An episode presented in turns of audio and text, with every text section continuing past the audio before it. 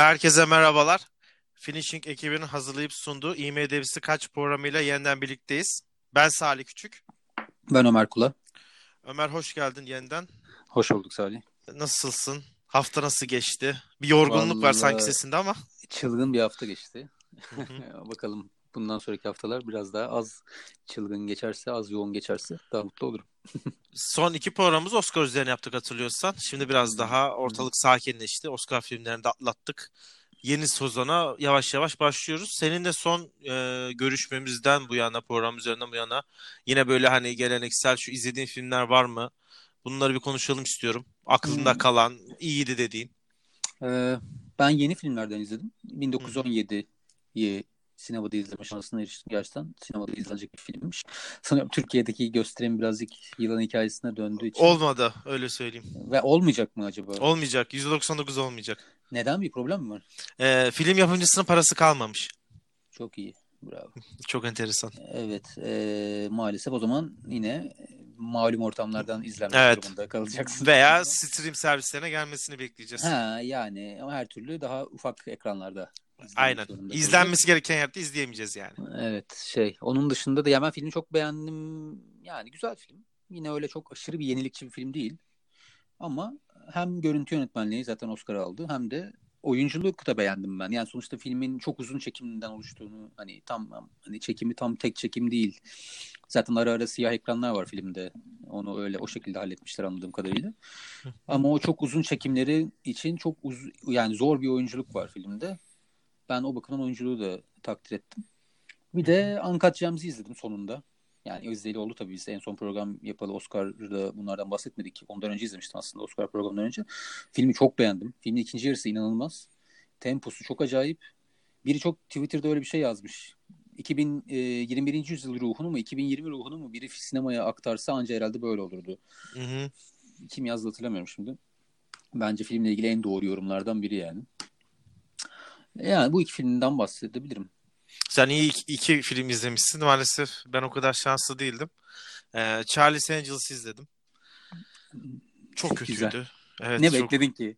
Ya beklentimi çok düşük tutmama rağmen beklentimin yüzde birini almadım. Hani öyle söyleyeyim ben sana. Çok düşük beklentilere rağmen. E, filmin yönetmeni de işte so- filmden sonra şey demiş. Erkekler süper kahraman filmi, kadınların olduğu süper kahraman filmi izlemek istemiyor demiş ama bence son derece saçma bir açıklama. Yani Wonder Woman'ı ben sinemada gayet izleyebiliyorsam e, veya işte Margot Robbie'nin karakterini gayet izleye Harley Quinn'i gayet izleyebiliyorsam bence bu biraz başarısızlık kapatmak gibi gelmiş e, geldi bana. Diğer olarak da Last Kid izledim. Ee, bu bir şaka değil. Yani Ya üşenmedim. filmin WhatsApp bizim grupta çok muhabbeti döndü. Ben filmden Evet. haberim yok ya. Nasıl bu film bu? Ben film e, 2002 2012 senesinde çekilmiş film. Hmm. E, işte malum sebepler, ekonomik kriz falan derken filmi gösterime sokamamışlar. Filmi gösterim 2019 yılında soktular. Film şöyle ünlü oldu. 27 kişinin çektiği filmi, pardon 28 kişinin çektiği filmi 27 kişi izledi diye. E, ben de kötü filmleri izleme hastalığı var. Yani izlerim bir şekilde. Niye böyle bir şey yaptığımı da bilmiyorum. Bir süre sonra zaten e, bağımlılık yapıyor filmleri izlemek. E, gerçekten bu başka bir seviye. Yani mesela benim izlediğim Türk filmlerinde özellikle Türk filmlerinde, Türk komedi filmlerinde oluyor bu. Kazara böyle 3-4 tane tebessüm ettiğim ve komik sahneler oluyor.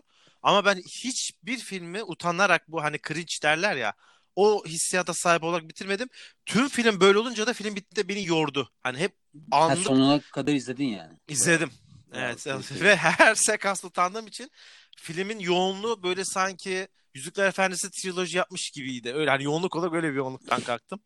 Ee, buradan yani ekibe de bu e, zor olanı başardıkları için bir e, teşekkürü borç bilirim kendine. Çok acayipmiş. Bu hafta e, Bir de- geçmeden önce benim aklımda Buyur. bir notum bir notum daha varmış. Tabii ki. Atlamış mı? Bilmiyorum belki haberin olmuştur. Ya çok bunun üzerinde çok konuşmayacağım zaten yani sosyal medyada yeterince e, üzerinde konuşulup geyiği döndü. Şey belki karşına çıkmıştır. Atilla Dorsay e, abimizin artık ne diyeceğimi şaşırıyorum. E, Little Woman eleştirisinin bir kısmı. Çıktı Hı hı. mı karşına bu? çıktı. Yani şöyle başlıyor zaten yazı. Hemen onu hızlıca okumak istiyorum. Hı, Tabii ki buyur. Ee, küçük kadınlar, küçük hatta küçücük olsalar da erkek hayatlarımıza bir anlam veren, onları dolduran, besleyen ve zenginleştiren o zarif, kırılgan yaratıklar. Yani üzerine çok yorum yapılacak bir durum yok. Ee, çok da saygı yani sonuçta e, eskiden beri ya ben ilk hayatımda Türkiye'deki ilk sinema eleştirmeni olarak duyduğum insan Atilla Dorsay ismi yani. Hı hı. Ama galiba artık bazı insanların dönemi geçiyor ya da yaşla birlikte e, döneme ayak uyduramıyorlar. Çünkü bundan önce de bir de Wachowski kardeşlerle ilgili bir skandal bir e, Yani ben yorumu diyecektim onu. olmuştu. Hani e, filmdeki kargaşanın bir nedeni de onların cinsiyet değiştirmesi olmasın falan gibi. Hani film cinsiyet değiştirdiler de kafaları o yüzden mi karışık tarzı bir biri tam hatırlamıyorum. O anlama gelen. Belki de artık yeterince bu mesleği yapmıştır ve bırakma vakti gelmiştir diyerek konuyu yani. Sen çok naif bir insansın her zaman söylerim. çok kibar bir insansın. Ben duygularımı şöyle e, söyleyip e, konuya geçmek isterim. Atil- Ya ben Türkiye'de sinema yazarları gibi veya başka bir eleştirmenlik üzerine yaş aldıkça üstadlaşma olduğuna son derece karşı çıkan birisiyim. Yani birinin yaş alması, çok film izlemesi bunu o da konuda uzman yapmıyor. Atilla Dorsay da ben 2002 senesinde, 2003 senesinde Matrix üzerine yaptığı bir makale okuduktan sonra takip etmeyi bırakmıştım. Makalede direkt şöyle yazıyordu. İlk Matrix filmi bu arada. 99'da çekilen Matrix filmi. Hı hı. E, Matrix aksiyonlarla donanmış, e, hiçbir derinliği olmayan, e, son derece kuru bir film dedikten sonra sanırım dedim "E, artık bundan sonra takip edeceğim e, yazarları biraz daha dikkatli seçmemde fayda var demiştim. E, Ben onu üst- kaçırmışım. İyi ki de kaçırmışsın bak. yani e, üstad kelimesi, usta kelimesi bence çok kolay insanlara veriliyor. Yaş aldıkça da sanki bize hani şey gibi sen kimsin ki e, ona bir şey diyebiliyorsun. İşte o kimlerle kimlerle ne yaptı. Ben buna son derece karşıyım. E, sinemada da modernleşmek, kendini yenilemek ve sürekli araştırmak çok önemli. E, zamanında çok usta yönetmenlerle, e, Türk yönetmenler tanışmış olmanız, e, onlarla masada e, rakı içiyor olmanız, tanışık olmanız size bunda bir numara olduğunuz veya usta olduğunuz anlamı vermiyor. E, ben de kendisini ciddiye almayanlardan biriyim bu konuda. Tamam o zaman güzel. Ben de aynı şekildeyim artık. ya ben zaten ben de ciddiye almıyordu bayağı yıllar olmuştu da. Evet. Ama insan sonuçta ama hani yani yaşa saygı dediğin gibi otomatik olmaması gereken bir şey ama eğer bir insan 40 yıldır bu işi yapıyorsa ve hala layıkıyla yaparsa benim için yeni başlayan Tabii bir ki. insandan bir tık değerlidir yani. Hani Tabii ama ki. bunu yapamıyorsa ben bedavadan da bir insana sırf abi işte Atilla abi de yani bilmem ne falan diye saygı gösteremeyeceğim. Evet, yüzde yüz aynı fikirdeyim o konuda seninle. Ee, ek- eklemek istediğim bir şey yoksa Yok, yavaş yavaş konumuza geçelim. Hı hı. Ee, sinema tabirinde debut e, adını verdiğimiz e, usta yönetmenlerin, ünlü yönetmenlerin veya artık şu an e, hayatta olmayan yönetmenlerin en iyi ilk filmlerini konuşacağız. Aslında Ömer'le bu programda çok uzun bir aday listesi çıkarmıştık. Fakat filmler elendi. Çalıp gitti değil mi Ömer? Yani Ya, filmler o kadar Evet iyi filmler sonda, ki. sonda bir isimlerini anarız belki. Evet e, ve daha sonra belki de bu programın hani ikincisini yapma ihtiyacı hissedeceğiz gibi mi geliyor benim açıkçası.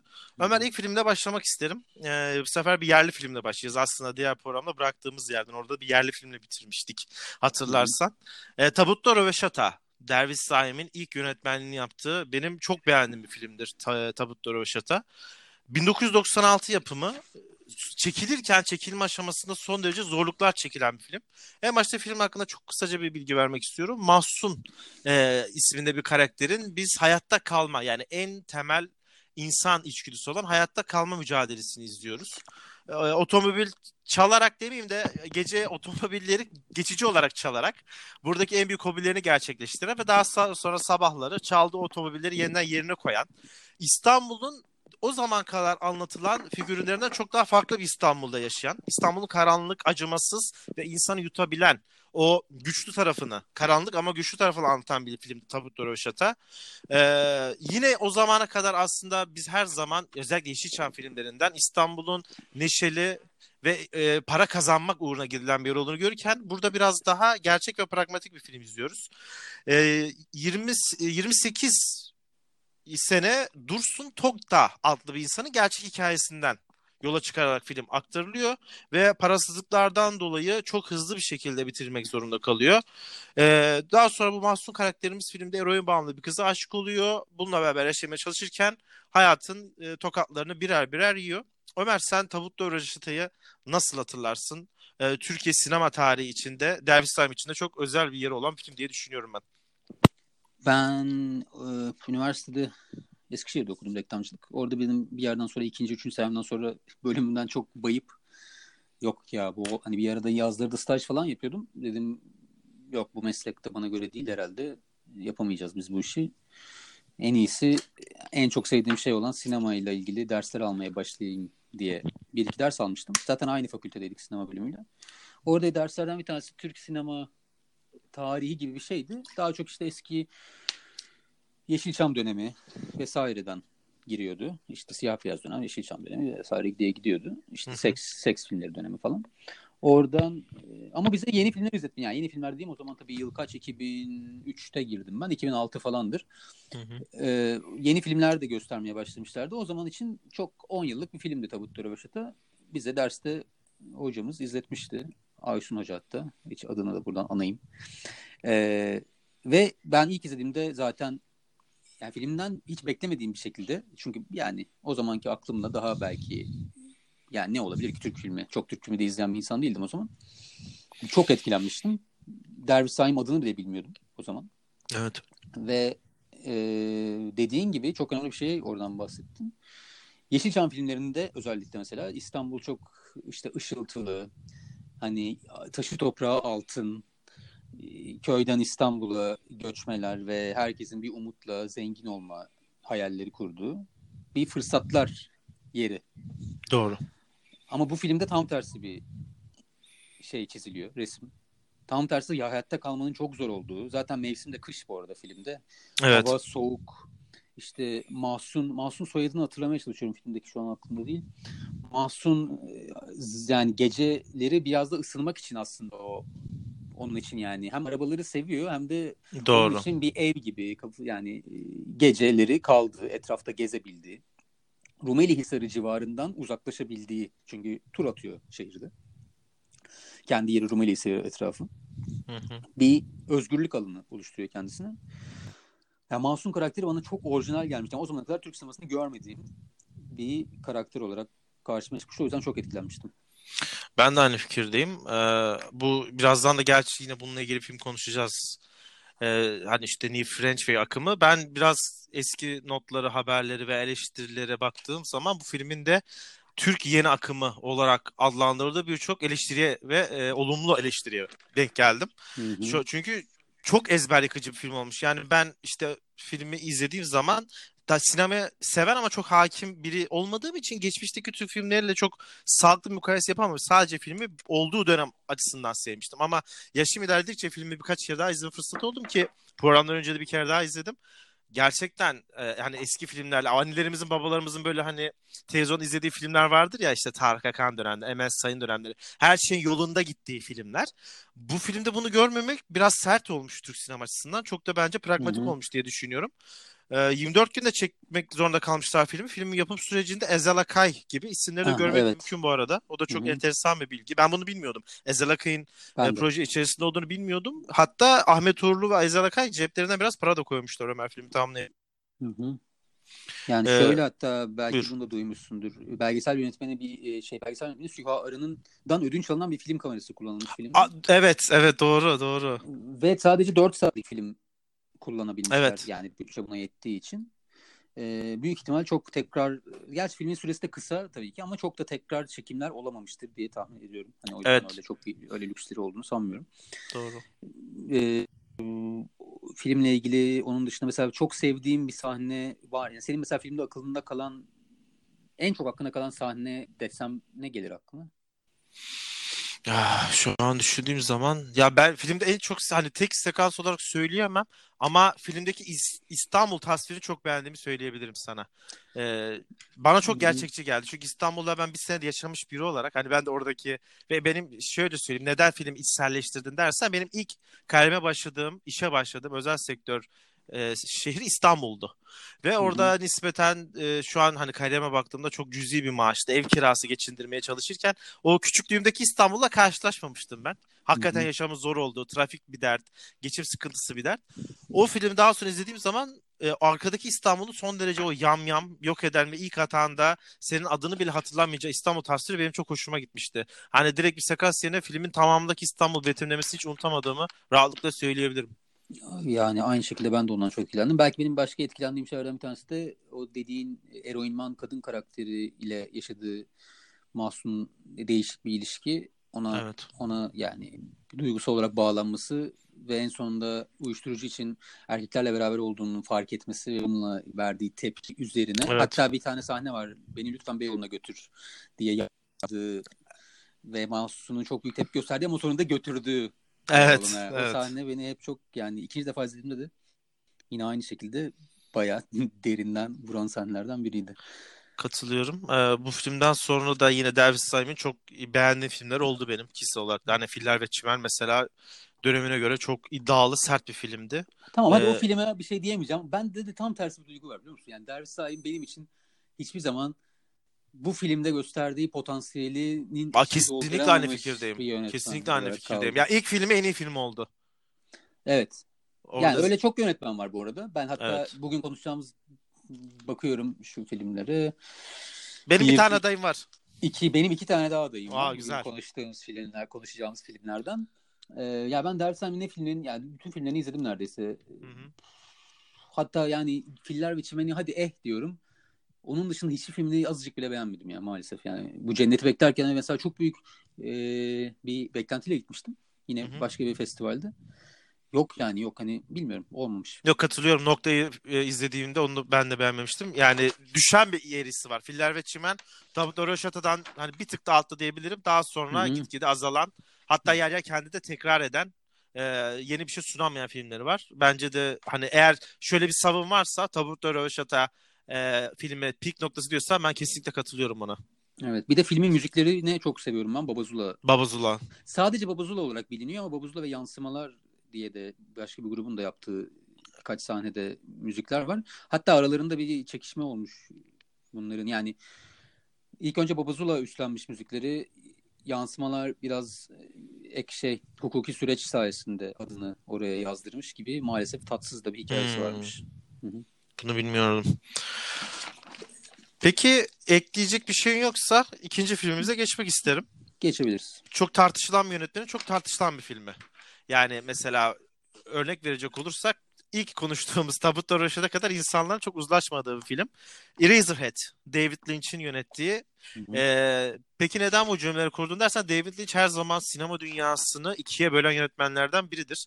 Ee, bir kısım işte filmleri çok fazla sürreal ee, hatta fazla ki yönetmenin kendi beyninden geçen düşünceler olduğu için girmekte zorlandığını söylerken diğer kısım bunun aksini savunur ve David Lynch filmi mi yani deyip direkt onun üstüne koşarak atlayan bir kitle vardır. Eraserhead'in de yine aslında oldukça değişik bir hikayesi var. David Lynch e, 72 senesinde filmin çekimlerine başlıyor ve birçok teknik nedenden dolayı çekimler 5 sene sürüyor.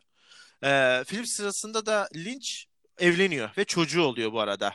E, bu çocuğu gerçek hayattaki evlendikten sonra çocuğu e, bir küçük bir hastalık. Yani çok büyük bir hastalık değil, çok büyük bir hastalığa yakalıyor. Çocuğun bacağı e, burkuk bacakla çocuk yetişiyor. David Lynch bunu çok takı yapıyor ve kendi kendine sürekli sorular sormuş. Yani ben evlenmemeliydim. İşte acaba evlenmesem daha değişik bir hayatım mı olurdu gibi kendi kendine sorular yaparken Eraserhead filminin e, kafasında canlandığını ve bu filmin nasıl oluştuğunu çok rahatlıkla anlayabiliyoruz. Eraserhead filminde de baş karakterimiz Henry Spencer, Mary X adında bir kadınla evleniyor ve mutant bir çocuk doğuruyorlar. E, bilirsiniz ki bu mutant çocuk David Lynch'in aslında gerçek hayatta e, babalık yaptığı çocuk. Burada film boyunca Henry Spencer karakterinin kendi ebeveynliği, babalığını sürekli sorguladığı hatta yer yer çalışma hayatında bununla birlikte adapte ettiği film sırasında sürekli bir sanayi devrimi, arkadan çıkan makine sesleri, gürültüler burada bir çalışma hayatına empoze edilmiş baba yapma zorunluluğunun David Lynch üzerindeki baskısını çok rahatlıkla anlayabiliyoruz. E, Eraserhead, Eraserhead dediğimizde David Lynch'in bu arada bu benim de David Lynch'in en iyi film olduğunu düşünürüm. E, sen Eraserhead dediğinde aklına ne geliyor Ömer? Ee, bu en iyi film konusuna sonra gelelim de bu e, David Lynch benim yap David Lynch'in kendi ağzından benim en spiritüel filmim diye bir şeyi var. Yani bunun herhalde anlamı ne olabilir? Bir sürü yere çekilebilir. Ama belki dediğin hikaye bu arada o Jennifer kızının adı Jennifer Jennifer e, e, hikayesini ikisi de yalanlıyor çeşitli röportajlarda. Ama sonuçta bu bir nasıl diyelim zaten kı- kızının o şekilde bir hastalıkla doğduğu o, onu yalanlanmıyor yani o kesin bir Evet, o kesin. ama ama e, bunun orada hani o kadar birebir hayatını yansıttığı ile ilgili bazı yalanlamalar var ama sonuçta bence Ya bunu bence da değil yani önemli değil. Filmin anlattığı şey bir ebeveyn olma korkusu olduğunu gerçek değiştirmiyor yani zaten. Hı hı. Filmin en büyük e, nasıl diyeyim? Üzerinde Ee, durduğu konu bu. Evet yani hani şey hmm, onun dışında ya filmin atmosferi inanılmaz. Ya Muhteşem. bu- ya ses tasarımının burada çok etkisi var. Bu arada J- De- David Lynch zaten çok yetenekli bir adam yani. Hem ressamlığı var hem müzisyen tarafı var. Aynı zamanda ses tasarımcısı. Bu filmde ses tasarımını e, Alan Splett'le birlikte yapıyorlar. Yani inanılmaz ses tasarım var. Hmm, onun dışında bilmiyorum ki.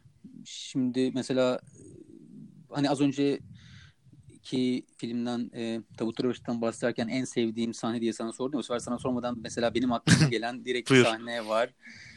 E, bu Lady in the Radiator. Radyatördeki kadın var ya bir tane böyle yanakları e, şişmiş olan. Onun çıktığı iki tane sahne var. Hele bir tanesinde In Heaven çok sevdiğim şarkılardan biridir. Bu arada çok da sevdiğim bir grup olan Pixies'in de In Heaven yorumunu tavsiye ederim dinlemeyene. O sahneler beni nedense yine ikinci defa yani izlediğimde de üçüncü defa izlediğimde filmi ka- yani dört kere ben izledim bu filmi. Hepsinde hem hafif bir gülme hissi yaratıyor bende o karakter hem de ya böyle tüylerimi diken diken eden, bir tarafı var.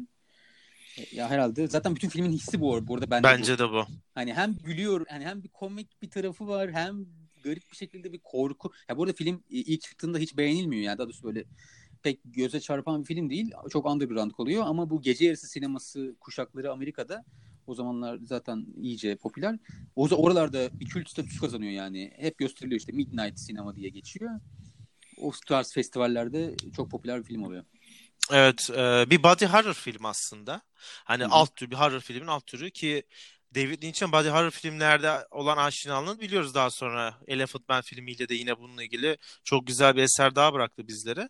E, filmde hı. enteresan bir sahne varmış Ömer. Ben bunu araştırırken öğrendim. E, filmin işte teknik kısımlar biraz da David Lynch'in kafasını toparlayamamasından ötürü 5 sene sürdüğünü söylemiştik. E, hı. filmin bir sahnesinde e, karakter kapıyı çalıp içeri girdiği sahneyle yani kapıyı çalıyor. Karakter kapıya gidiyor. Kapıyı açtıktan sonraki sahneye çekilme, çekilme arasında 18 ay süre varmış. Yani biz Hı hı. sadece bir sekansta karakterin 18 ay sonraki halini görüyormuşuz. Bu çok bana enteresan gelmişti. Senin Hem- dediğin gibi Buyur. Bu, hemen bunu bir tamamlayayım. Hem bu kadar şey uzun sürede yani bir saniye 18 ayda tamamlamış diyorsun. Bir Evet. sekansı daha doğrusu. bir hatta. sekansı. Hı hı. Hem böyle yapıp hem de bu kadar bütünlüklü bir atmosfer yaratabilmek çok enteresan yani. Hani bunu helal olsun. Tam bunu söyleyecektim sana. Yani 18 ya bu çok şimdi basit indireceğim ama 18 ay sonra bile hala o ruh hal o ruh halinde olmasa bile o sanki bir kopukluk değilmiş gibi bunu yapabilmek çok bana garip geliyor. Bu bile aslında bu normal olmayan bir şey. Hani bunu Hı hı. yapabilmesi zaten normal olmayan bir şey. Dediğin gibi işte babalık korkusu, ebeveynlik baskısı, bunu bir sanayi toplumunun içerisinde yapabilmek aslında bunun komple hepsini bir karabasan olduğunu bize gösteriyor. Bence bu film komple uyanmak isteyeceğiniz bir rüya. Hani bazen anlarsınız ya rüyada olduğunuzu ama bir şey yapamazsınız. Sadece onun bitmesini beklersiniz. Eraserhead'i ne, Eraserhead'i ne zaman izlesem e, bana bu duyguyu veriyor açıkçası ki zaten hatırlarsan filmin başlarında bizim Henry Spencer karakterimiz uykuya dalıyor. Yani biz orada aslında olayın başladığını küçük bir spoiler olarak David işte bize e, vermiş oluyor. Benim çok sevdiğim bir film Eraserhead. E, her izlediğimde belki yaşımı almamdan dolayı da daha fazla gerçeklik veren ve beni daha fazla rahatsız eden bir film. Bilmiyorum ekleyeceğim bir şey var mı? Yani birkaç tane ilginç not var filmle ilgili. Ee, zaten bir kere bebek tasarım yani bebeğin şeyi hmm, tasarımı çok enteresan. Ee, neye benzetirsin bilmiyorum ama bu filme hayran olan insanlardan biri Alien filminin de tasarımcısı olan e, HR nasıl okuyacağım bilmiyorum ad- adını. G- yani Giger diye yazılıyor ama artık Hı hı. nasıl okursa insanlar okusunlar. Filmin hayranı ve sonradan David Lynch onu hırsızlıkla suçluyor. Çünkü Alien tasarımını buradan çaldı diye Hı hı. iddia ediyor. Ben E.T. E.T.'ye de birazcık hani E.T.'nin Ben E.T.'ye daha çok buradan, benzetiyorum. buradan e, bir esinlendiğini düşünüyorum. Ve mesela Stanley Kubrick önceki programımızda konuştuğumuz Stanley Kubrick'le Elephant Man'in çekimlerinde tanışıyor. Ve Kubrick diyor ki benim en sevdiğim film senin yaptığın Eraserhead ve Shining'in çekimlerinde set ekibine ben bu filmi gösteriyorum moda girsinler diye diyor. O da öyle ayrı bir not. Hı hı. Ve mesela başka notum ve son olarak da şey söyleyebilirim. E, Erase, Eraserhead diyorum ya. Şey, Elephant Man'in e, prodüktörü, ünlü prodüktör Mel, Mel Brooks. Zaten bu arada David Lynch'in aslında bir yandan da en büyük filmlerinden biri Elephant Man. 8 tane Oscar adaylığı falan var. Evet. Mel, Mel Brooks David Lynch'i işe alacak ama tanımıyor yani. Kim ya bu David Lynch falan. Hani biri buna işte hem başvuru yapıyor, tanışıyor durmadan bununla işte filmimi yapalım falan diye hem birileri vasıtasıyla ve en sonunda Eraserhead'i izliyor. Ve hemen David Lynch'i arıyor. Sen sen deli sen delirmiş bir adamsın ve hemen işe alındın diyor. Yani o kadar etkileniyor ki adam. Hı-hı. Senin bu çılgın yaratıcılığına çok ihtiyacımız var. Ya çok etkileniyor filmden. Bu kadar ya. Ha, bu arada az önceki filme de bir şey bağlayacağım. Bir şeyi unuttum çünkü. Bu Elephant Man'in e, Eraserhead'in pardon. Başrolündeki oyuncu Jack Nance 1996 yılında tıpkı filmdeki karakteri kadar garip bir şekilde maalesef hayatı sona eriyor. Bir, Evet. donat, bir donat dükkanında karıştığı kavganın ertesi günü. Evet. Ee, ölüyor galiba başına aldığı bir darbeden dolayı. Bu e, önceki filmde de bir gerçi önceki filmdeki çok daha trajik bence. Önceki filmde başrolünde o eroinman kadını oynayan Aysen Aydemir çok da başarılı bir oyunculuk sergiliyor filmde. O filmden 3 sene sonra zaten film sırasında da kanser tedavisi görüyor. Kolon Hmm. kanserinden hayatını kaybediyor 35 yaşında. Bu iki filmin de böyle bir ortak noktası var. Evet. Enteresanmış. Son bir not da ben ekleyeyim. Ya bu tamamen kesin olmayan sadece bir dedikodu. Hatta dedikoduda Stanley Kubrick'in verdiği söyleniyormuş. İşte e, Eraserhead filmindeki baş kah- kahraman Harry Spencer'ı film izleyenler hatırlar. Kafası biraz saç modeli biraz değişik böyle kabarık ve Hı hı. e, şeydir katmanlı katmanlıdır. İşte David Lynch'in burada kendi saç modelini aslında oraya vererek kendini tasvir ettiği ve o karabasanın içine soktuğunu küçük bir seyirciye tip olarak bıraktığı söylenmiş. Kesin Enteresan. olmamakla birlikte. Evet. David Lynch'in şu anki saç modeli evet öyle ama o zamanki hayal yani o gençliğindeki saç modelini hiçbir zaman bilem ya bilmiyorum hatırlıyorum. Zaten gençlik fotoğrafını aradım ben burada David Lynch'in. En erken bulabildiğim fotoğrafı 90 yılındaki Cannes Film Festivali'nde. Evet benim de Mulholland civarları falan gördüm. Ondan öncekini çok ulaşamadım. Evet, aynen. çok öyle fotoğraf çektiren bir adam değil. Ama çok bu arada enteresan bir karakter. Tekrar David Lynch yani birazcık da istiyorsan sen en iyi filmi dedin. Senin Ben en beğendiğim ya Ele- Elephant bende kafa kafayadır ama ben bunu bir tık öne çıkarırım Hadi kendi ya çok listemde. enteresan. Evet. Benim Evet. benim çok fazla. Ben David Lynch benim en sevdiğim yönetmenlerden biri. Ee, o yüzden benim için çok zor bunu seçmek. Ama ya şöyle hemen bir önüme açıyorum filmleri bir şey unutmamak için. Yani nereden başlasam ki yani? Ya Zor Blue, değil mi? Blue Velvet benim için galiba İlk sıraya mı koyarsın? ilk sıra. Ondan sonra da Lost Highway gelir. Üçüncü sırada herhalde ancak Razorhead'i koyarım. David Lynch'in yani böyle ressamlığından, müzisyenliğinden bahsettik. Ses tasarımcısı dedik. Çok yönlü bir insan kendisi. Son bir bilgi vereyim. Ben 2008'de ilk Londra'ya taşındım yüksek lisans yapmak için. Bir arkadaş, o zamanki ev arkadaşım. e, ona da selam söylüyorum buradan. İlk, ilk, ilk filmini yaptı hatta. Neyse. e, bana çok garip bir adam dedi ki biliyor musun David Lynch internet sitesinde hava durumu sunuyor. Dedim o nasıl bir şey ya? Ve biz her sabah uyandığımızda açıp David Lynch'in internet sitesinde Amerika'da hava nasıl diye her sabah izlemeye başlamıştık. Ya. Bunu Amerika'da bilmiyorum. Amerika ile alakamız yok. Adam bunu internet sitesinden kendi evinden sırf zevkini çok seviyormuş çünkü hava durumu izlemeyi. en büyük hobilerinden biriymiş. Ya buradan da ne kadar garip bir insan olduğunu Çok garip. çıkarabiliriz. Ve çok da başarılı yapıyordu işini bu arada hava durumu sunma işinde. Çok enteresan ben bunu bilmiyordum. Yani zaten anca de- hangi hangi yönetmen böyle bir şey yapıyor dersen ama David Lynch derdim. bir saniye düşünmezdim ondan. Ali izin verirsen yine yönetmenin kendi hayatından e, etkilenerek çektiği bir başka ilk filme geçmek istiyorum. 400 darbe. E, Le Quatre Sans Coupe. Bunu çok güvendiğim birine, Fransızca hakim olan birine Ben de tanıştım. diyecektim Fransızca mı var sende? Ona danıştım ve bildiği sağlam yerden. Le Quatre Sans Coupe. E, yani bu Fransızca'da okulu kırmak manasına geliyormuş bu. Hı hı. Hı hı. Truffaut'un yönetmenliğinden yine David Lynch gibi son derece entelektüel diyebileceğimiz bir yönetmen aslında. Ee, New Wave French akımını başlatan film olarak kabul ediliyor. Hani bunu çok kısaca açacak olursak da bu ne anlamı geliyor? İşte İkinci Dünya Savaşı zamanında doğan e, insanların, yönetmenlerin ve entelektüellerin e, bu gençlikleri savaşa denk geldikten sonra dünya o şöyle bir sakinleştiğinde bir balans ayarları yapıldıktan sonra sinemaya damga vurarak o ezber bozan artık bir eleştiri getiren e, yönetimlere sert bir şekilde damga vuran onları alaşağı eden filmler çekerek mecbur mecbur o giden düzeni bozdukları bir döneme denk geliyor. Truffaut'un hayatı çok enteresan. E, filmin su konusuna geçmeden önce en başta bunun hakkında bazı e, bilgilerle başlamak isterim Ömer. Annesi son derece entelektüel bir kadın. Tiyatro, sinema, yani ressamlık bilmediği şey yok. Üvey babası ile beraber büyüyor. Fakat daha sonra çok enteresan annesi ve babası ortak bir karar alıp e, Truffaut evde istemiyorlar. Truffaut da anneannesinin yanında büyümeye başlıyor. Büyük babası oldukça otoriter ve kurallı biri. E, bu katı kurallar içerisinde büyüdükten sonra annesi istememesine rağmen annesiyle arasında hiçbir sorun yok bu arada. Annesi tamamen keyfinden istemiyor. Üvey babası yanından Truffaut'u yanlarına çağırıyor. E, ve Truffaut aslında buna biraz bozuluyor. Yani aslında çok bozulacak bir şey ama buna rağmen ailesinin, annesinin ve babasının yanına gidiyor. Annesini bu olayı aslında bu kendisini istememesinden dolayı annesi hiçbir zaman affetmiyor. Fakat yine annesinin özgür bir şekilde yaşam isteğine de hayran oluyor. Bu iki git gel karmaşa arasında büyüyor ve ilk o, film olan 400 darbe çekiyor. 400 darbenin de konusunu kısaca hatırlayacak olursak 1950'lerin başlarında Paris'te 12 yaşındaki Antonio karakterinin ailesi ve okulda yaşadığı problemler üzerinden başlayan bir hikayesi var. Ee, bir gün okulu ektiği bir günde annesini başka bir adamla görüyor ve daha sonra da bu sinirinden okulda ailesinin öldüğünü söylüyor. Bunun üzerine aile toplantıya çağrılıyor ve tamamen okuldan uzaklaşmak isteyen Antonio'nun karışan son derece çalkantılı hayali başlıyor. Özgürlük ana temasının aslında işlendiği bu yine işte New French Wave akımından dediğimiz ve Truffaut'un kendi bireysel hikayesinde anlatıldığı 400 darbe e, yine benim benim en beğendiğim filmlerin başında geliyor. Sen ne dersin 400 darbe deyince? Bu filmi çok sevdiğini de biliyorum bu arada. Ya benim için çok özel bir film. O, yüzden bu büyük ihtimal laflarımı toparlayamayacağım. Her şey demek istediğimi de muhtemelen yarısını unutacağım. Çünkü bir program yetmez. Ama senin bıraktığın yerden nereden bağlayabilirim? Ee, dediğin gibi çok kişisel bir film.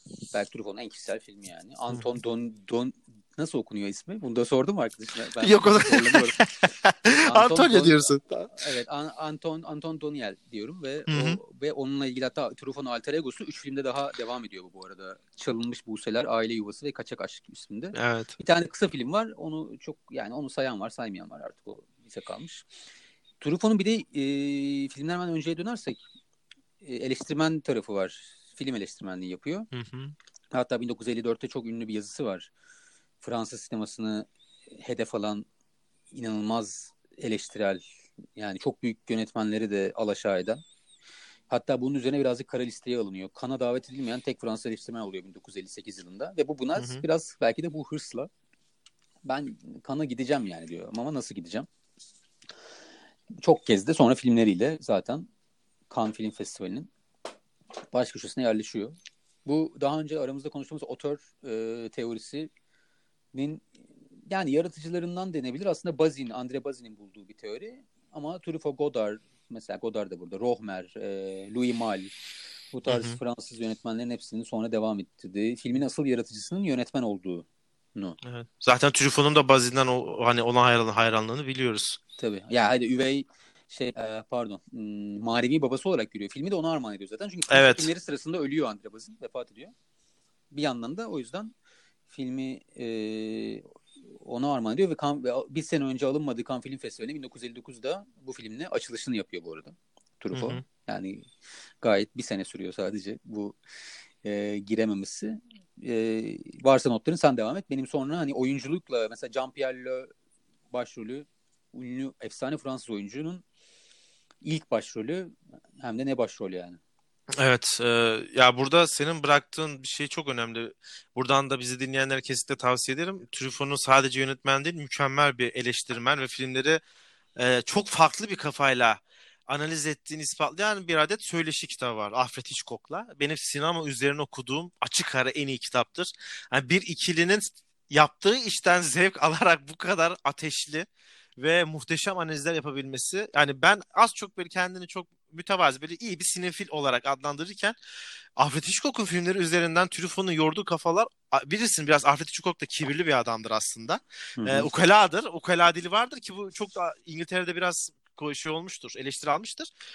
Yani öyle cümleler, öyle şeyler yakalıyor ki Alfred Hitchcock'tan ki filmlerinde. Alfred Hitchcock bile aa evet bak doğru söylüyorsun gibi. Alfred Hitchcock aslında çok böyle alışık olmadığım cümleler sarf ediyor. Hayran kalmıştım ben onun. Ee, o analizleri yapabilmesine. Ve bu filmde ilgili olarak da sana pas atmadan son bir benim gözlemim çocuğun yani 12 yaşındaki bir bize Antonio karakterinin yalan söylemesine neden olan faktörleri bence mükemmel bir şekilde işliyor. Yani anneyi sorguluyor, sistemi sorguluyor, okulu sorguluyor ve bize sadece şunu söylüyor. Bu çocuk neden yalan söylüyor? Bilmiyorum katılıyor musun? Ee, kesinlikle. Hatta bu bu arada e, filminde en çok sevdiğim sahnesine geçeceğim burada ama öncesinde bu yine Jean-Pierre Léaud ile ilgili bir şey söyleyeceğim. 60 tane çocuk oyuncu arasından seçiyor onu. Hı hı. Ee, ve bunu seçmesinin sebebi şey diyor Truffaut'a soruyorlar ne gördünüz? Çünkü zaten sonra Fransa'nın en yetenekli oyuncularından biri ne biri haline geliyor. Hı hı. Ee, bütün o çocuklar arasında gerçekten sorunlu olarak gördüğüm çocuk buydu diyor. Hakikaten bir asiydi. Birçok şeyde problemi vardı ve ben o yüzden ve ilgili çok ilgiliydi. Hep sorular sordu. Ee, bu şekilde de yani çok iyi bir seçim yaptığını direkt söyleyebiliriz. Filmle ilgili sevdiğim sahneye geçersek de bir öğretmenleri soruyordu galiba. Şimdi çok hatırlayamıyorum. Hmm, ya bu arada hani karakterin Balzac'tan araklaması inanılmaz. Öyle bir sahne var. Evet. Balzac Evet. sahnenin hastasıyım. Ve şey var. Va, e, Fransa bundan 10 yıl sonra nasıl gözükecek Hı hı. diye de bir konulu bir sahne var. Yine öğretmenin öğrencilere sorduğu.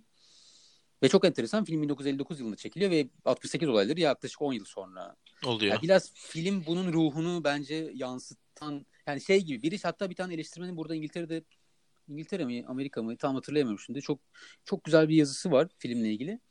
Orada şey diyor. Filmde 1959 yaşında o yaşlarda olan yani filmdeki karakterin 12-13 yaşlarında olan çocuklar 68 yılına geldiklerinde 68 olaylarını yaptılar. Hı hı. O sol e, şeyli e, sol öğrenci hareketlerinin ve Evet. genç hareketlerinin merkezinde Sistemi oldular. sorgulandı. Film Hı hı. bunu çok önceden haberini veriyor. Bir nevi e, aynen yani bir haber verici gibi. Ayak sesi, tarihin ayak sesleri Evet. kesinlikle evet. Ve Truffaut'un da zaten siyasi tarafı da var bir şekilde. Çok fazla. Ve ne kadar e, ortamı iyi Bence de. görebildiği, değerlendirebildiği buradan da belli. Yani filmiyle e, ülkenin siyasetinin ve tarihin nereye gittiğinin nabız yoklanması mükemmel bir şekilde yapılmış bu Hı hı. filmde. Benim bu arada en iyi filmler dediğim yani bir yönetmenin en iyi filmi eee lerden bir tanesi. Yani benim için Truffaut'un en iyi filmi. Çünkü sonraki filmlerine baktığımda güzel filmleri var ama benim için hiçbiri bu kadar özel değil. Hı hı. Sen sanıyorum ki başka daha, daha çok sevdiğin filmini söyleyeceksin. Çünkü Yok benim de bu. Ha bu mu? Okey. Tamam. Benim Senin de de bu. varmış bir tane Evet. Okey. Aynen. Bu bu. Çünkü ya diğer filmlerine baktığımda tabii ki Jules ve Jim çok özel bir film. Ben hatta şu, e, Shoot the Piano Player'ı çok severim. Bir Hı hı. sonraki filmi. Fahrenheit 451 özel bir filmdir. Bence de. Bu distopya filmleri arasında. Ee, ama benim galiba bundan sonra en çok sevdiğim film Day for Night. Zaten o da en iyi en iyi yabancı film Oscar'ını alan filmi. Hı hı. Ondan sonra yani bundan sonra gelir ama yani 400 darbedir. Evet katılıyorum sana. Zaten yönetmenlik kariyerinin son dönemi biraz sönük geçen bir yönetmenlerden biri Evet ben o Gerard Depardieu'lu dönemini pek yani Hatırlamak istemeyiz. yani harbi Gerard Depardieu'yu da severim ama yani olmamış. Evet. Birlikte çalışamamışlar. Kendi genç yaşta ölüyor bu arada yine beyin tümöründen 52 yaşında. Evet, Maalesef daha çok, çok erken oluyor, kesinlikle. Hı hı, hı hı, Ömer istersen diğer filmimize geçelim. hı hı. Ee, bu film aslında şöyle söyleyelim. Çoğu e, sinema listesinde gelmiş geçmiş en iyi 10 film, gelmiş geçmiş en iyi 50 film, e, gelmiş geçmiş en iyi 100 film listelerinde her zaman görebileceğiniz bir film. Ya ya bir ya iki bu arada sadece Ya bir- görmek. ya bir- tabii tabii. Hani Yani görmek de değil de. Yüzlük yapar yani 100 film yaparsanız ve bunu 30. sıraya falan koyarsanız kavga çıkar öyle söyleyeyim. Evet, genelde, genelde. böyledir. Hatta ben çocukken film izlemeye başladığımda bu filmi daha izlememiştim ve her listede birinciydi. Daha o zaman hatta ben küçükken bir esareti bedeli durumu da yoktu. Hani listelerde Hı hı. genelde birinciliği, ikinciliği oynayan. Evet. Ee, zaten galiba söyledin sen Orson Welles dedin de. hani Orson bunları, Welles, bunları Citizen dediğinde Kane. evet Citizen Kane. Bunları dediğinde zaten hemen herkesin kafasında Anlar. böyle bir şimşek çakmıştır yani. E, Kesinlikle anlarlar. yani. Citizen Kane olarak ben filmi ilk izlediğimde yaşım küçüktü ve e, işte o şey Lumière kardeşlerle gelen Fransa'dan gelen sinema devrimini o başlangıcı çok hakim değildim. Ya, isim olarak biliyordum ama o herkesin meşhur sinemadan kaçarak izlediği e, trenin a- böyle akak üstünüze geldiği filmleri falan izlememiştim daha. E, Citizen Kane'i izlediğimde ben filmi beğenmemiştim. Enteresan ya gelecek belki sana ama filmi beğenmemiştim ve filmin ne kadar büyütüldüğünü anlamamıştım. Belki bazı şeyleri zamanlı izlemeniz lazımdır. Ee, o zaman böyle işte yok paralel kurgu falan bunlara hakim değildim. Düz sinema izleyicisiydim. Tabii seneler geçti. Artık daha çok olaylara aşina olmaya başlayıp o gerekli altyapıyı alınca Citizen Kane'i bir daha izledim. Ve orada bendeki ampul çaktı. Evet dedim olay buymuş. Ee, film e, Orson Welles'in ilk filmi. ve o zamanlar oldukça ses getiren bir film oluyor. Neden diyecek olursan da gerçek hayatta yaşamış bir medya patronu olan William Randolph'un hayatını anlatıyor. William Randolph'un hayatı da şöyle, e, filmde tamamen onun hayatına başlıyor. Bir tane medya devinin aşağılardan başlayıp yükselerek e, te, dünya şey, mevcut Amerika Birleşik Devletleri'nin tepesine çıkması ama yükseldikçe de yalnızlaşması ve bir nevi kendiyle olan kavgasını izliyoruz biz Citizen Kane'de. E, şahsi görüşüme gidecek olursak ben Citizen Kane'i senaryo olarak izlediğim en iyi filmler arasına almam.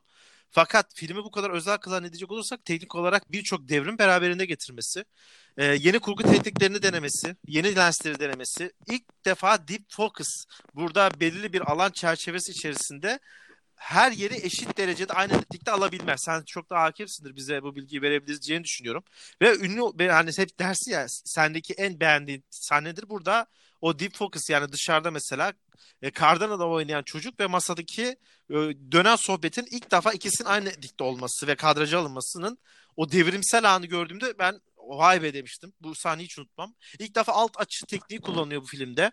Ve her yani en enteresan şey de Orson Welles bu film çektiğinde sadece e, 25 yaşında. Bu arada Ömer şöyle bir şey okudum. İlk sahte belgesel olarak da kabul ediliyormuş. Hani gerçek hayatı uyarlama olarak. E, ne dersin Citizen Kane hakkında? Sahte belgesel William Randolph'un ya yani William pardon William William Randolph'un e, olduğunu filmi yaparken de söylenmiş mi yani ondan yola çıkarak yapılmış? Evet ve hatta şöyle Yoksa söyleyeyim. mı? E, şöyle söyleyeyim. Çok güzel yerinde sordum. Bu bilgiyi sonra verecektim. E, zaten haberi varmış. Fakat filmi daha sonra hiç beğenmemiş William Randolph ve o zamanki mevcut gücüyle de filmin dağıtımını komple durdurup filmin batmasına neden olmuş. Evet filmin battı. Evet filmin battığı biliniyor evet. aynen. Ee, bu, ben mesela William Randolph kimdir diye ufak bir araştırma yaptım. Orada işte dediğim, dediğim bilgiler var. Biri de şey demiş. Ya şu an bunu en iyi anlamınız yapıl yani yapılabilecek en iyi karşılaştırma günümüzün Donald Trump'ı gibi düşünün. Hı hı. Öyle bir karakter. Hani her türlü çarpıklık var ama çok zengin. Ee, ona benzetmişler yani. Hani öyle insanların gözünde canlandırması için. Hı hı. Orson Welles'le ilgili bir iki ufak bilgi. Mesela Orson Welles hiçbir sinema deneyimi yokken bu film için yani bu hiçbir yönetmene verilmeyen özgürlükler verilmiş. Ee, filmin son kurgusu ona ait. Genelde Hollywood'da imkansız böyle bir evet. sahip olmak yani kaç yıllık yönetmenler bile bu ayrıcalığa sahip olamıyorlar. Gerçi o zaman 1941 41 yılında yapılıyor film. O zaman için birazcık daha başka. Zaten şu an asla olamayacak işte. Hiçbir film çekmemiş bir insana iki filmlik bir kontrat veriyorlar.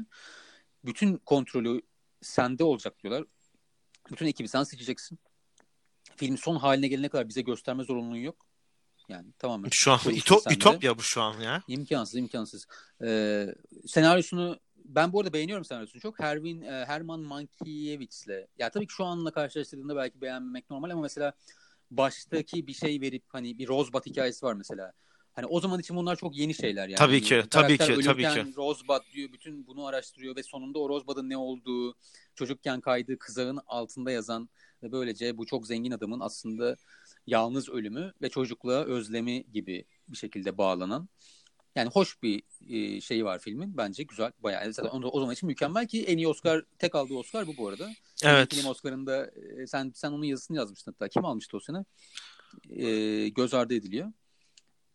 1900 e, doğru tam hatırlamıyorum ama bayağı şu an olay olmuş yani onu evet, yani e, alamaması. Senaryoyu alabilmiş bir tek. Hı hı. Ve Orson Welles'in parladığı şey de zaten tiyatroları var. Çok iyi iş yapan. Mercury tiyat- tiyatrosunun başarıları ve de daha da ilginci bir radyo programı var. Şimdi War of the Worlds. Bu e, H.G. Wells'in kitabından yapılan bir radyo programı. Hatta filmini izledik sonra Tom Cruise'un oynadığı hı hı. E, Dünyalar Savaşı.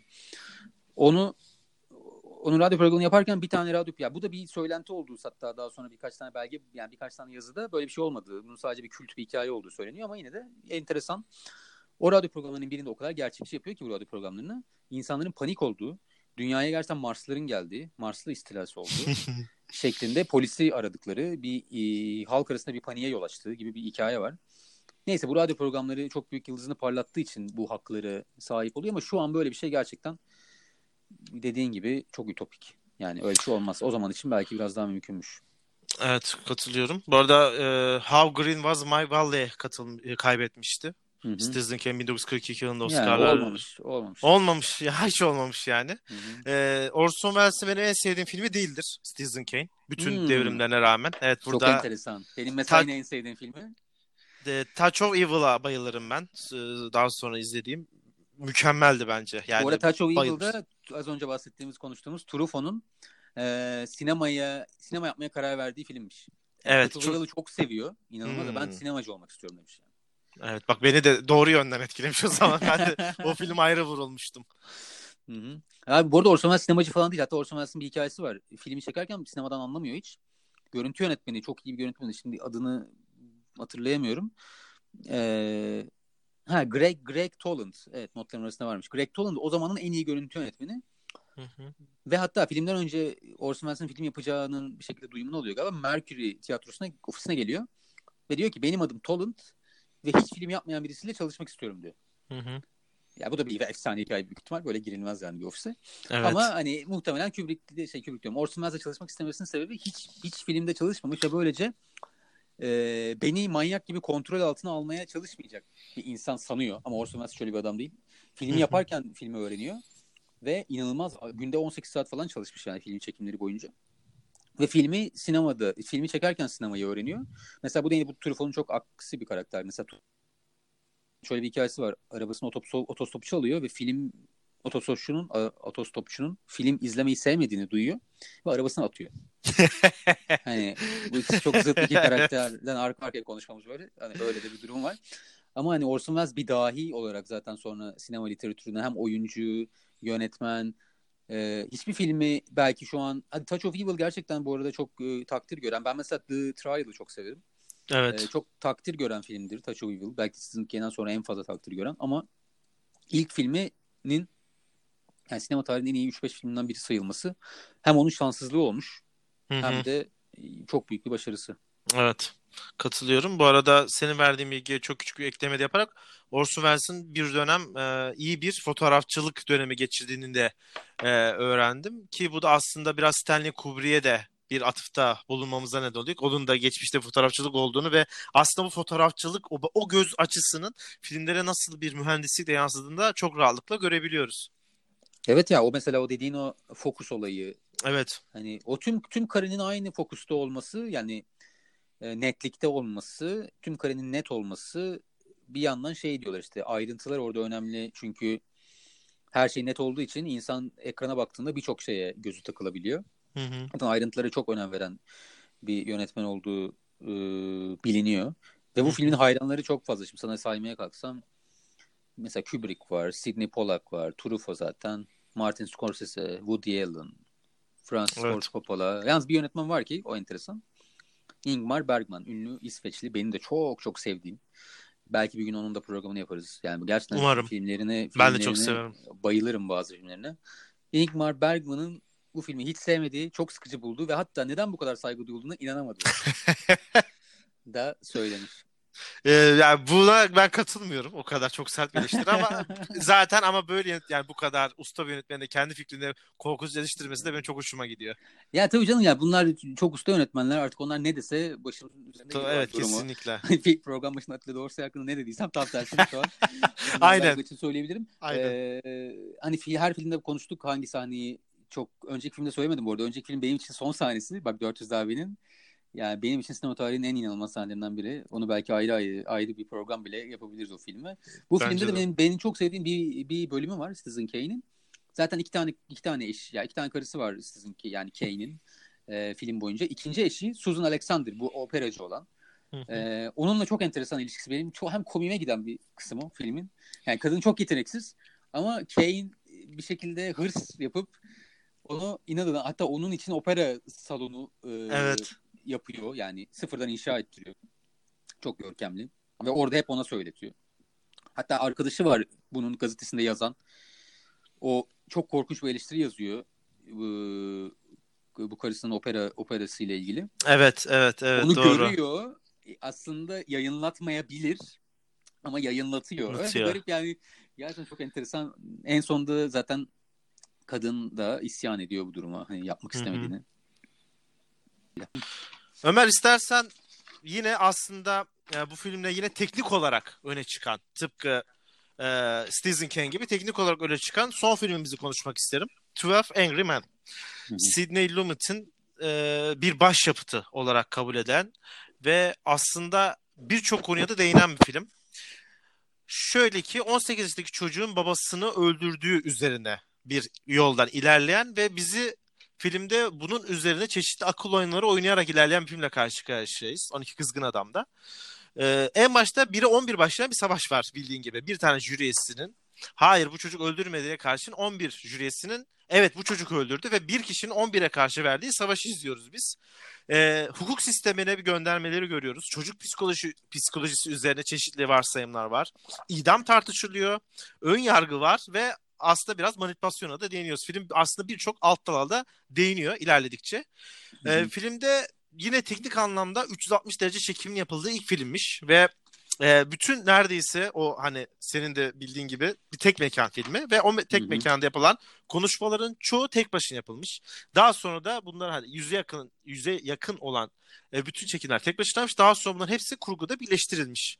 Hı Bu hı. oldukça da aslında zor e, bir sistem. Film yine bilirsin ki eski filmlerin çoğunda olduğu gibi maddi olarak sorunlar yaşıyor ve filmin baş oyuncusu Harry Fonda e, daha önceden bu oyun olarak yazıldı yazılıyor bu arada. Bir oyundan etkileniyor ve oyundan uyarlanarak çekiliyor. Henry Fonda da bunun kesinlikle çok etkileniyor bundan. E, 1954 yılında bir Reginald Rose'un oyundan yapılıyor ve diyor ki bunu sinemaya çekmemiz lazım. Bir televizyon ya bunun televizyon yapımı var değil mi önce? Öyle bir Aynen, aynen. E, bu TV'deki bir oyun. Buradan beğeniyorlar Ha, ve öyle. Ha. Aha, Sidney Lumet'le konuşuyorlar. Bunu yapmamız lazım. Biraz şeye benzettim ben. Irishman'e benzettim. İşte De Niro gidiyor Scorsese'ye bunu yapmamız lazım. Sidney Lumet de diyor para yok. E, nasıl yapacağız filan konuşuyorlar. Para koyuyorlar. Henry Fonda'nın hayatı boyunca yapımcılığını yaptığı tek film oluyor, olmuş bu. Yapımcılık sürecinden onun baskısından nefret etmiş. Sadece e, bu e, 12 Angry Men'de bunu yapmış ama gurur duymuş bu yaptığı işte de. E, benim çok sevdiğim bir filmdir. Yani tek mekanda film çekmenin aslında çok riskli bir iş olduğu. Mesela yine şu anki dönemde ilk yönetmene verilmeyecek bir film bence. Senaryo yoksa yapımcı. Mesela ben Warner Bros'un CEO'sunu hayal ediyorum. Bu ne lan deyip çöpe atabilir filmi. Sen ne dersin. 12 Angry Men hakkında? Ben tek mekan filmlerini bu arada enteresan bir şekilde çok severim. Eskiden yani kendim bildiğim bileli çok sevmişimdir yani. Ee, bu filmde ilgimi çeken bir iki şey var. Bu makul şüphe ile bir yandan filmin merkezinde. Hmm, yani bir insan suçu kanıtlanana kadar suçsuzdur üzerinden gidiyor Evet. film. Özellikle zaten o, o 11'e 1, ol, 1 olduğunda o tek suçsuz diyen e, jüri üyemiz bunun üzerinden insanları ikna ediyor. Çünkü aslında o da emin değil. Suçlu mu suçsuz mu film Evet. diyor. Olabilir, öldürmüş olabilir, öldürmüş olabilir. Hep öyle konuşuyor yani. Benim karakterlerde şöyle bir enteresan bir şeyimi dikkat. Bir daha filmi izledim ben bu arada bu hafta. Çok enteresan bir şey dikkatimi çekti. Da filmde suçlu olduğunu düşünenler ki ilk baştaki 11 kişiden bahsetmiyorum. Hani ilk bir ara eşitleniyor ya. Hı hı hı hı. Hatta en son suçlu diyen 2-3 kişi ve hatta hakim olaydan çok sıkılmışlar. Yani aslında da suçlu olup olmadan emin değiller de. evet.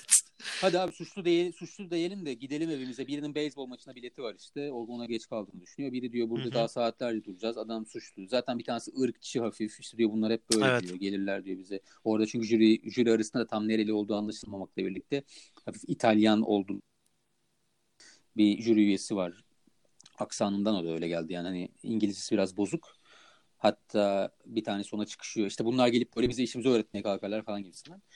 Ee, birazcık günümüzde belki de sadece Türkiye değil birçok ülkedeki toplumsal olaylardaki bir yaklaşıma da benzetiyorum. Hani suçlu deyip işin içinden çıkmak biraz eleştiren bir tarafı var. Kesinlikle filmin. katılıyorum. Benim hani işin üşenmeyin abi işin derinine inin. Boşuna da kimseyi suçlamayın. Ya ben filmde hep bunu hissediyorum. Adamın o savaşı onun üzerine yani. Ve herkes en sonunda 1, 2, 3, 4, 5 kişi yavaştan insanlar onun tarafına doğru geçerken hep bir yerden bir şey buluyorlar işte. Aa bıçağı öyle kullanmış olamaz diyor biri. İşte biri diyor ama tren geçerken çığlığını duymuş olamaz. Hı hı. İşte kadının vesaire. Hep böyle adım adım aslında e, için içindeki mantıksızlıklar ortaya çıkıyor. Ben filmin gerçekten çok başarılı yani hem çok başarılı yazılmış. Birazcık böyle eskiden TRT'de bir program vardı Katil Kim diye. En Evet. çok bayılırdım ben küçükken böyle. Biraz o havalarda film. O Hı hı. yüzden bana hafif bir nostalji hissiyle de izledim bu ikinci izleyişimde. Yani benim mesela senin benim çok sevdiğim Dog Day Afternoon filmi var. Onun kadar sevdiğim film değil on, e, 12 Kızgın Adam ama ya, bir, ya zaten ilk film için çok harika demenin bir anlamı yok yani. Harika bir film. Başta Bence de harika bir başta. Hı. IMDb'de en yükseklerde gördüğümüz bir filmdir. Ee, dediğim Hı bir konu çok doğru. Bu film izlerken ben de o e, hissiyatı almıştım. 6'ya 6 kaldığında veya 7'ye 5 kaldı. Sayı çok önemli değil. Ama o dengenin hani 1'e 11 dengesinin bozulduğunda bu çocuk suçlu diyenlerin psikolojisi artık tamamen karşı tarafın e, tamam bitsin bu deyip onlardan da etkilenmeye başladığı bir anda veriliyor ve filmdeki o Sidney Lumet'in anlatmaya çalıştığı şey çok iyiydi. İşte hani bir kişinin kaderine karar veren insanlar aslında bunlar. Hani öyle düşündüğümüz gibi entelektüel olmayan. Yok Ee, aynen. İşte 6-6 bittiğinde hatta şey esprisini hiç unutmam. Şimdi ne yapacağız? Penaltılara mı gidecek bu olay dediğinde. Hı. tamamıyla olay bitse de gitsek işte hatta hatırlarsan film boyunca iklim de değişiyordu. İşte sıcak oluyor sonra yağmur başlıyor. Klimalar Evet. çalışmıyor. Hadi gidelim evimize gidelim tarzında mesaj vererek işte hani çok da abartmayın bu kişiler karar veriyor. O, o, o bence çok güzel bir mesajdı. Bu arada filmin orada çok enteresan bir ters köşesi var. O beyzbol biletini şimdi bu arada jürilerin isimlerini hiç bilmiyoruz film boyunca. En sonunda bir ikisinin adını öğreniyoruz. Evet. Dışarıda hani adın ne falan diyor. O yaşlı adam en baştan beri kar, e, suçlu değil diyen jüri üyesine Hı hı. yolda önünü kesiyor. Şey e, e, beyzbol bileti olan adam bir yerde şey diyor hatırlıyor musun? Ya tamam bence de suçlu değil. Yeter ki gidelim hani. Evet. Hani Evet. ona dönüyor ama o şekilde Evet. dönüyor falan. Çok, Evet. enteresan ya. Bence de. Ve bu arada film 1997 senesinde yeniden çevriliyor. Sopranos'tan yakından tanıyacağımız James Gandolfini de var. Ben izlemedim bu onu. Çok merak ettim. T- Özellikle TV için- Gandolfini olunca çok merak Evet TV için e, yeniden çevriliyor. Ben filmi izlemiştim ve beklentimi de biraz remake olduğu için ve çok iyi bir film remake olduğu için düşük tutmama rağmen çok beğenmiştim filmi. O çok E, yani neredeyse birebir sadık kalınmış ve hiç çizgi bozulmamış. Birkaç küçük böyle hani şimdi seninle hep konuşuyoruz political correctness'tan birkaç karakter eklenmiş ama İşte, hiç aynen. sırıtmamış, hiç göze sokulmadan verilmiş. E, kesinlikle Hı hı. öneririm. E, var mı 12 Angry Men hak- hakkında Ya son bir şey? kapatabileceğim konu şu olur. Hani yine her filmden bahsettik sevdiğimiz sahne diye. Bu filmde de sevmediğim bir sahne var. Bir e, bu suçlu değil yani suçlu diyen adamlardan biri sinirli bir şekilde nasıl bu suçlu falan dedi. Herkes böyle kalkıp dönüyor ya. Evet. O sahne biraz tiyatral geliyor bana. Ee, Zaten eski bir film sonuçta. Hani bazı eski filmleri şimdi izlediğinde ya şimdi yapsalar böyle yapmazlar herhalde bu sahne. Tabii ki, tabii ki. O sessiz sinemadan, yüksek mimiklerden çıkan bir dönem olduğu için çok sahnelerden normal. biri. Zaten hani ben e, 12 Kızgın Adam'ı izlerken tekrar izlerken şey diye düşündüm yani. Biraz zaman aşımına uğramış film. Çok hafif bazı yerlerde. Hani diyaloglar olsun, oyunculuk olsun. Hani mesela 400 darbeyi artık kaçı defa izledim bilmiyorum. 400 darbe inanılmaz yani. Renklendir filmi.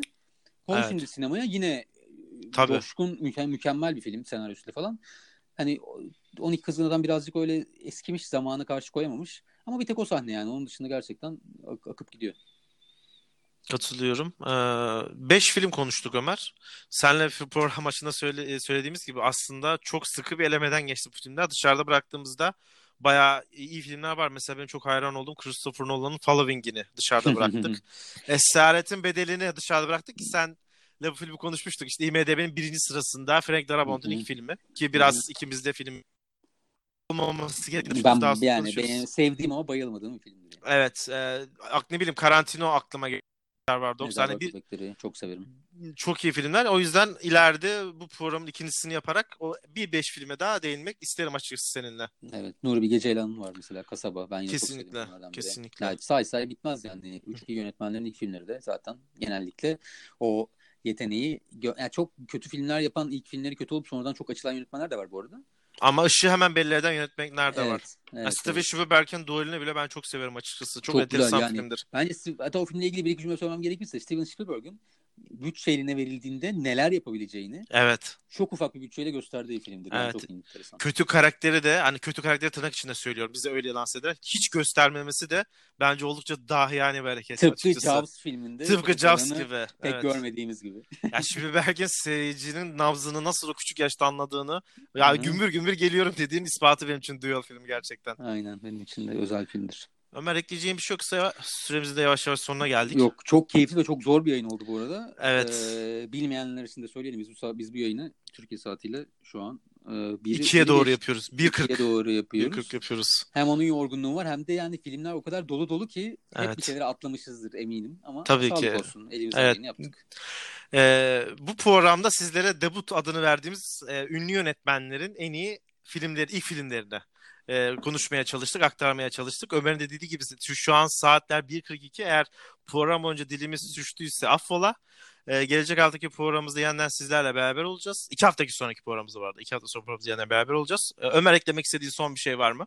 Yok çok keyifli oldu. Teşekkür ederim. Ağzına sağlık. Çok teşekkür ediyorum değerli yorumların de. için de. Yeni IMDb'si kaç programında görüşmek üzere. Hoşçakalın. Hoşçakalın.